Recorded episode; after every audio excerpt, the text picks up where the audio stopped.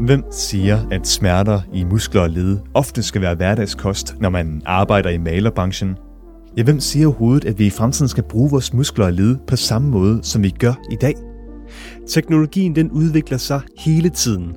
Der kommer flere og flere hjælpemidler på markedet, og ordet exoskeletter sniger sig nu ofte ind i samtalerne på byggepladserne. Men hvordan bringer vi bedst den her teknologi ind i vores arbejdsdag? Og skal vi frygte, at hjælpemidlerne en dag kommer til at hjælpe os lidt for meget? Mit navn er Lukas Bjerg, og du lytter til Malersnak.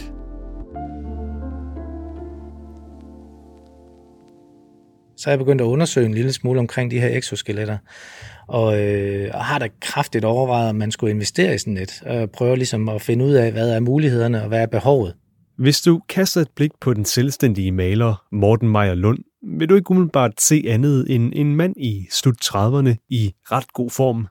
Han har passet godt på sin krop og finder en stor glæde i sit malerarbejde. Men at han snart har tilbragt halvdelen af sit liv som maler, ja, det har sat sin spor i kroppen på ham.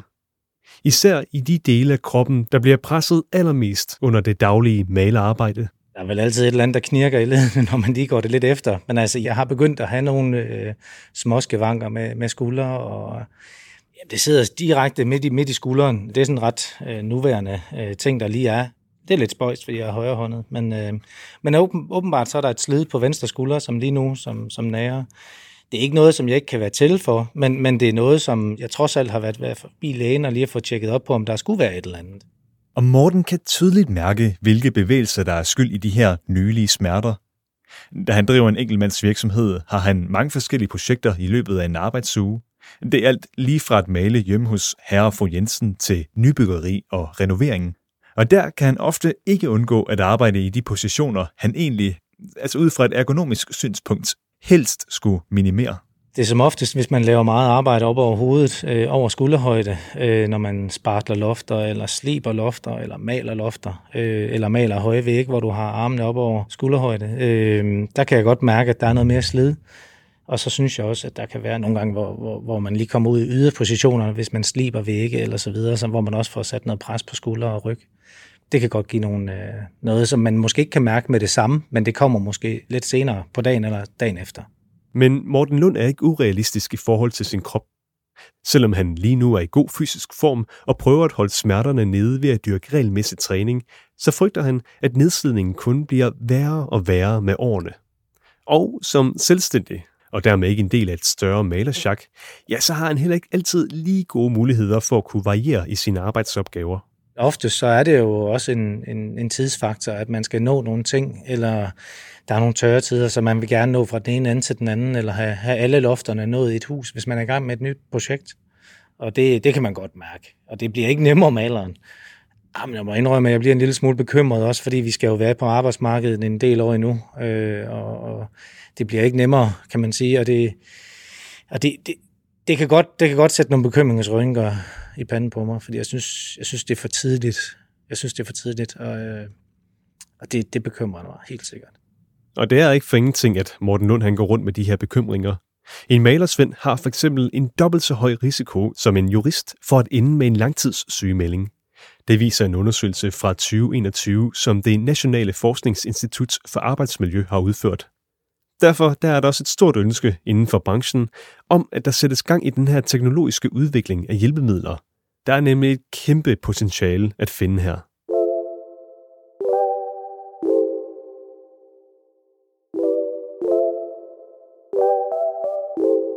Ja, det er jo altså et specialistfag, hvor at, øh, der er den ene opgave i princippet, det er at gøre væggeoverflader pæne. Og det kan være svært for en, en, en lille virksomhed, øh, muligvis bare en enkeltmandsfirma eller en, en syvmandsfirma, og finde noget andet at lave i en periode. Man kan nok ikke undgå at skulle lave den samme bevægelse igen og igen, men hvis man kunne nedsætte den muskelstyrke, man skulle bruge, så ville det være optimalt. Hvis du har lyttet til nogle af de første afsnit i den her podcast-serie, så kan du sikkert godt genkende den her stemme. Den tilhører nemlig Jonathan Ovang Petersen, der er speciallæge på Bispebjerg Hospital, og som ligger inde med en enorm viden om nedslidning og hvad der sker, når smerter pludselig viser sig i den menneskelige krop. Af samme grund, der har han også med stor interesse fulgt med i den teknologiske udvikling inden for byggebranchen, og især hvad vi forhåbentlig kan forvente os i den nærmeste fremtid. Det er jo futuristisk, men øh, det kommer jo også bravende fremtiden, ikke? så det kan jo være, at der lige pludselig er nogen, der får en god idé. Og så må man følge med. Jeg tror, at det her med viden omkring, hvad der kan gøres noget ved, den kommer til at øges over de næste mange år. Fordi det bliver nemmere at måle, det bliver nemmere at lave interventioner, altså prøve noget nyt, se om det virker. Og der bliver prøvet mange nye hjælpemidler af hele tiden. Det er meningen, at teknologien skal støtte os i vores arbejde, så vi undgår at belaste kroppen alt for meget. Det handler om, at vi ikke skal gentage de samme bevægelser hele tiden, noget der ellers kan være svært i en branche som malerbranchen. Og så skal vi for eksempel også undgå at have armene for meget op over hovedet. Teknologien den behøver dog ikke at være sådan mega avanceret for at kunne gøre en stor forskel. En af de klassiske belastninger, vi ser, det er jo den her girafsliber, som de skal stå og holde op imod en væg eller op imod et loft. Der er jo nogen, der har opfundet nogle stativer til, så det ikke er så besværligt. Og det, er jo fremragende. Man kan jo også se, at vores øh, arbejdere inden for det grønne, de har jo også fået sådan en holder, som de spænder om livet til deres hækkeklipper, så de ikke går og løfter den. Og, og jeg tænker, der kommer mere af sådan noget, som også kan bruges inden for malerfaget. Men noget af det, der virkelig interesserer speciallæge Jonathan Ovang Petersen, det er de såkaldte exoskeletter. Og hvis du ikke lige helt ved, hvad det her begreb det dækker over, så prøv at forestille dig det her. Du spænder en form for skelet lavet af metal på din krop, som simpelthen giver dig ekstra kræfter.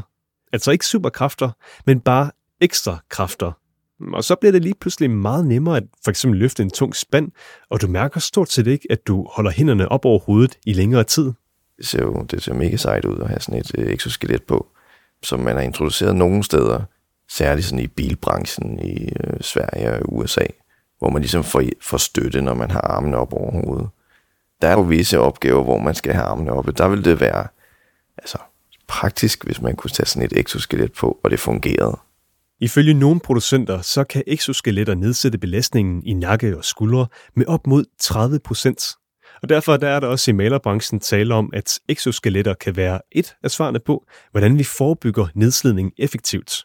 Og den her interesse i exoskeletter, ja, den deler den selvstændige maler Morten Lund også. Det er noget større udskrivning, men, men, men hvis man sætter det op imod, hvad en, hvad en skulderoperation eller hvad sygedage koster, så er det måske ikke så dyrt i virkeligheden. Så det er klart i mine overvejelser, og øh, undersøger lige nu mulighederne for, hvad, hvordan det exoskelet skal se ud af de forskellige leverandører.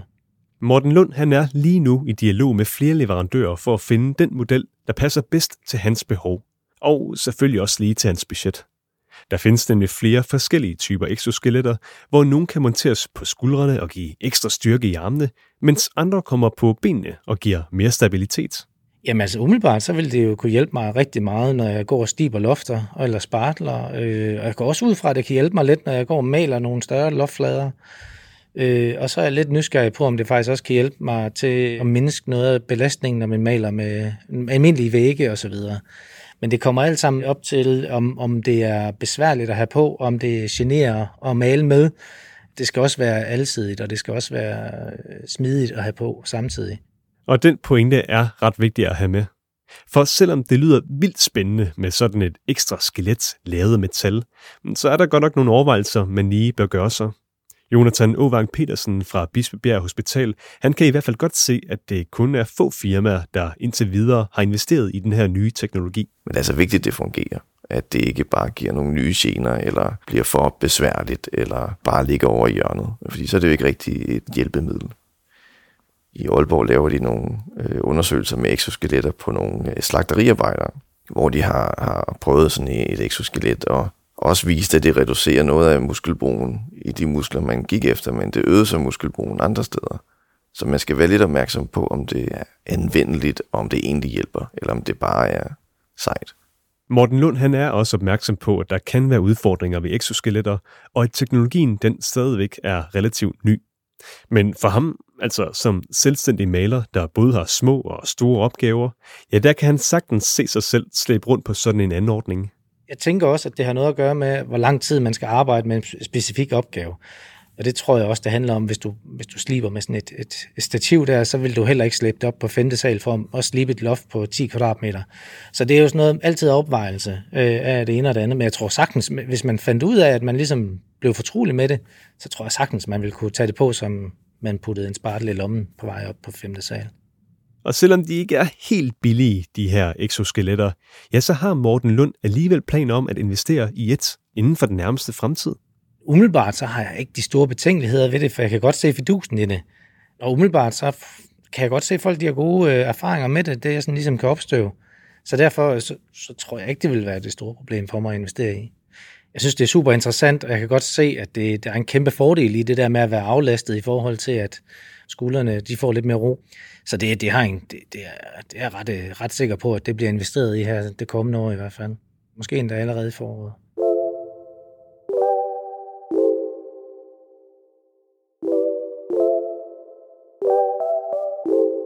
Exoskeletter er bare en ny type teknologi, der muligvis bliver et mere udbredt syn i fremtiden. Men hvis man spørger speciallæge Jonathan Ovang Petersen, så behøver det altså ikke kun at være tale om de her store monstrummer som exoskeletter. Et smart og effektivt hjælpemiddel, ja, det kan sådan set egentlig også bare være en lille måler, som du spænder på kroppen. Altså, der er nogle målere, som både kan måle på, hvor hurtigt man bevæger armene, øh, og der er også øh, nogen, der kan måle på, hvor meget man bruger sine muskler. Og det ville jo være spændende, hvis at malerne kunne få en eller anden form for advarsel, når de har lavet en bevægelse for meget. Altså en form for rådgivning, øh, når man nu går med det. Også der bliver det nemmere, nemmere, nemmere og trådløst, og de kan bare uploade det til skyen. Ja, så du render rundt med en lille måler på din krop, der måske sender dig en notifikation, når den kan mærke, at du lige har haft armene op i vejret i alt for lang tid. Jonathan Ovang Petersen, han mener, at man som firma virkelig bør tænke i de her baner i fremtiden. Hovedbyrden går på, at malerfirmaerne skal gøre plads til, at deres medarbejdere får ondt på et tidspunkt, hvis de ikke vil miste dem. Og jeg tror, at hjælpemidler kommer til at, at blive mere praktiske med tiden. Og så skal der være gode behandlingsmuligheder også. Øh, det kan være, at der sker noget på den front, at man får nogle nye stoffer, nye medicamenter, som kan ligesom hjælpe på en bedre måde, end det man har nu her. Og hvis du er en anelse nervøs for, at de her hjælpemidler de kan blive lidt for effektive, at sådan et exoskelet det kan udvikle sig til at blive en decideret robot, der overtager din malerplads, så slå bare koldt vand i blodet. Ifølge speciallægen, så kommer vi nok aldrig helt til at kunne undvære de færdigheder, den menneskelige hånd besidder. Fremtiden for malerne er jo udfordret, men det skal nok gå, tænker jeg. Det bliver et, et klassisk arbejde, som ikke bliver erstattet i nær fremtid. Det er jo et arbejde, man skal dygtiggøre sig indenfor, og man skal virkelig vide noget om, hvad man skal bruge. Det tror jeg ikke kan automatiseres, eller sådan gøres gennemsnitligt for alle. Øh, der tror jeg stadigvæk, der vil være brug for maleren. Så skal han bare have alle de hjælpemidler, han har brug for. Og samme tilgang til fremtiden, den finder du også over hos den selvstændige maler Morten Lund. Han har i hvert fald selv tænkt sig at investere mere i hjælpemidler, og han håber, at resten af branchen også tør at overveje de her løsninger, som for eksempel exoskeletter. Jeg håber lidt måske, at der kommer lidt mere skub i udviklingen på dem. Hvis man kan gøre dem lettere og simplere at have på, så det ikke bliver en besværlig genstand, så tror jeg helt sikkert, at der er mange, der kommer til at tage sig til sig. Og, og hvis så måske man kan, man kan håbe på, at prisen måske kommer en lille smule ned, fordi det er nok den afgørende faktor lige nu, så tror jeg helt sikkert, at det er noget, der bliver taget til. Ligesom alle andre øh, hjælpemidler, vi har i malerfaget, så, øh, så kommer det der også øh, på et tidspunkt, det er jeg ret sikker på. For Morten Lund, der handler det ikke bare om, at han selv kan sikre sig nogle ekstra år med malerpenslen i en hånd, der er fri for smerter. Det handler i lige så høj grad om, at han ønsker at se sine kolleger i arbejdstøjet i så lang tid som overhovedet muligt. Og så håber jeg ikke, at udviklingen den står stille. Jeg håber, jeg håber den kommer til at tage øh, nogle helt andre højder i fremtiden. Og jeg håber på, at der kommer mere af de her tiltag, fordi det er nødvendigt. Der er mange malere og mange andre håndværkere, der rundt rundt med ryg, skulder og knæskader. Øh, og dem skal, vi, dem skal vi prøve at se, om vi kan undgå i fremtiden.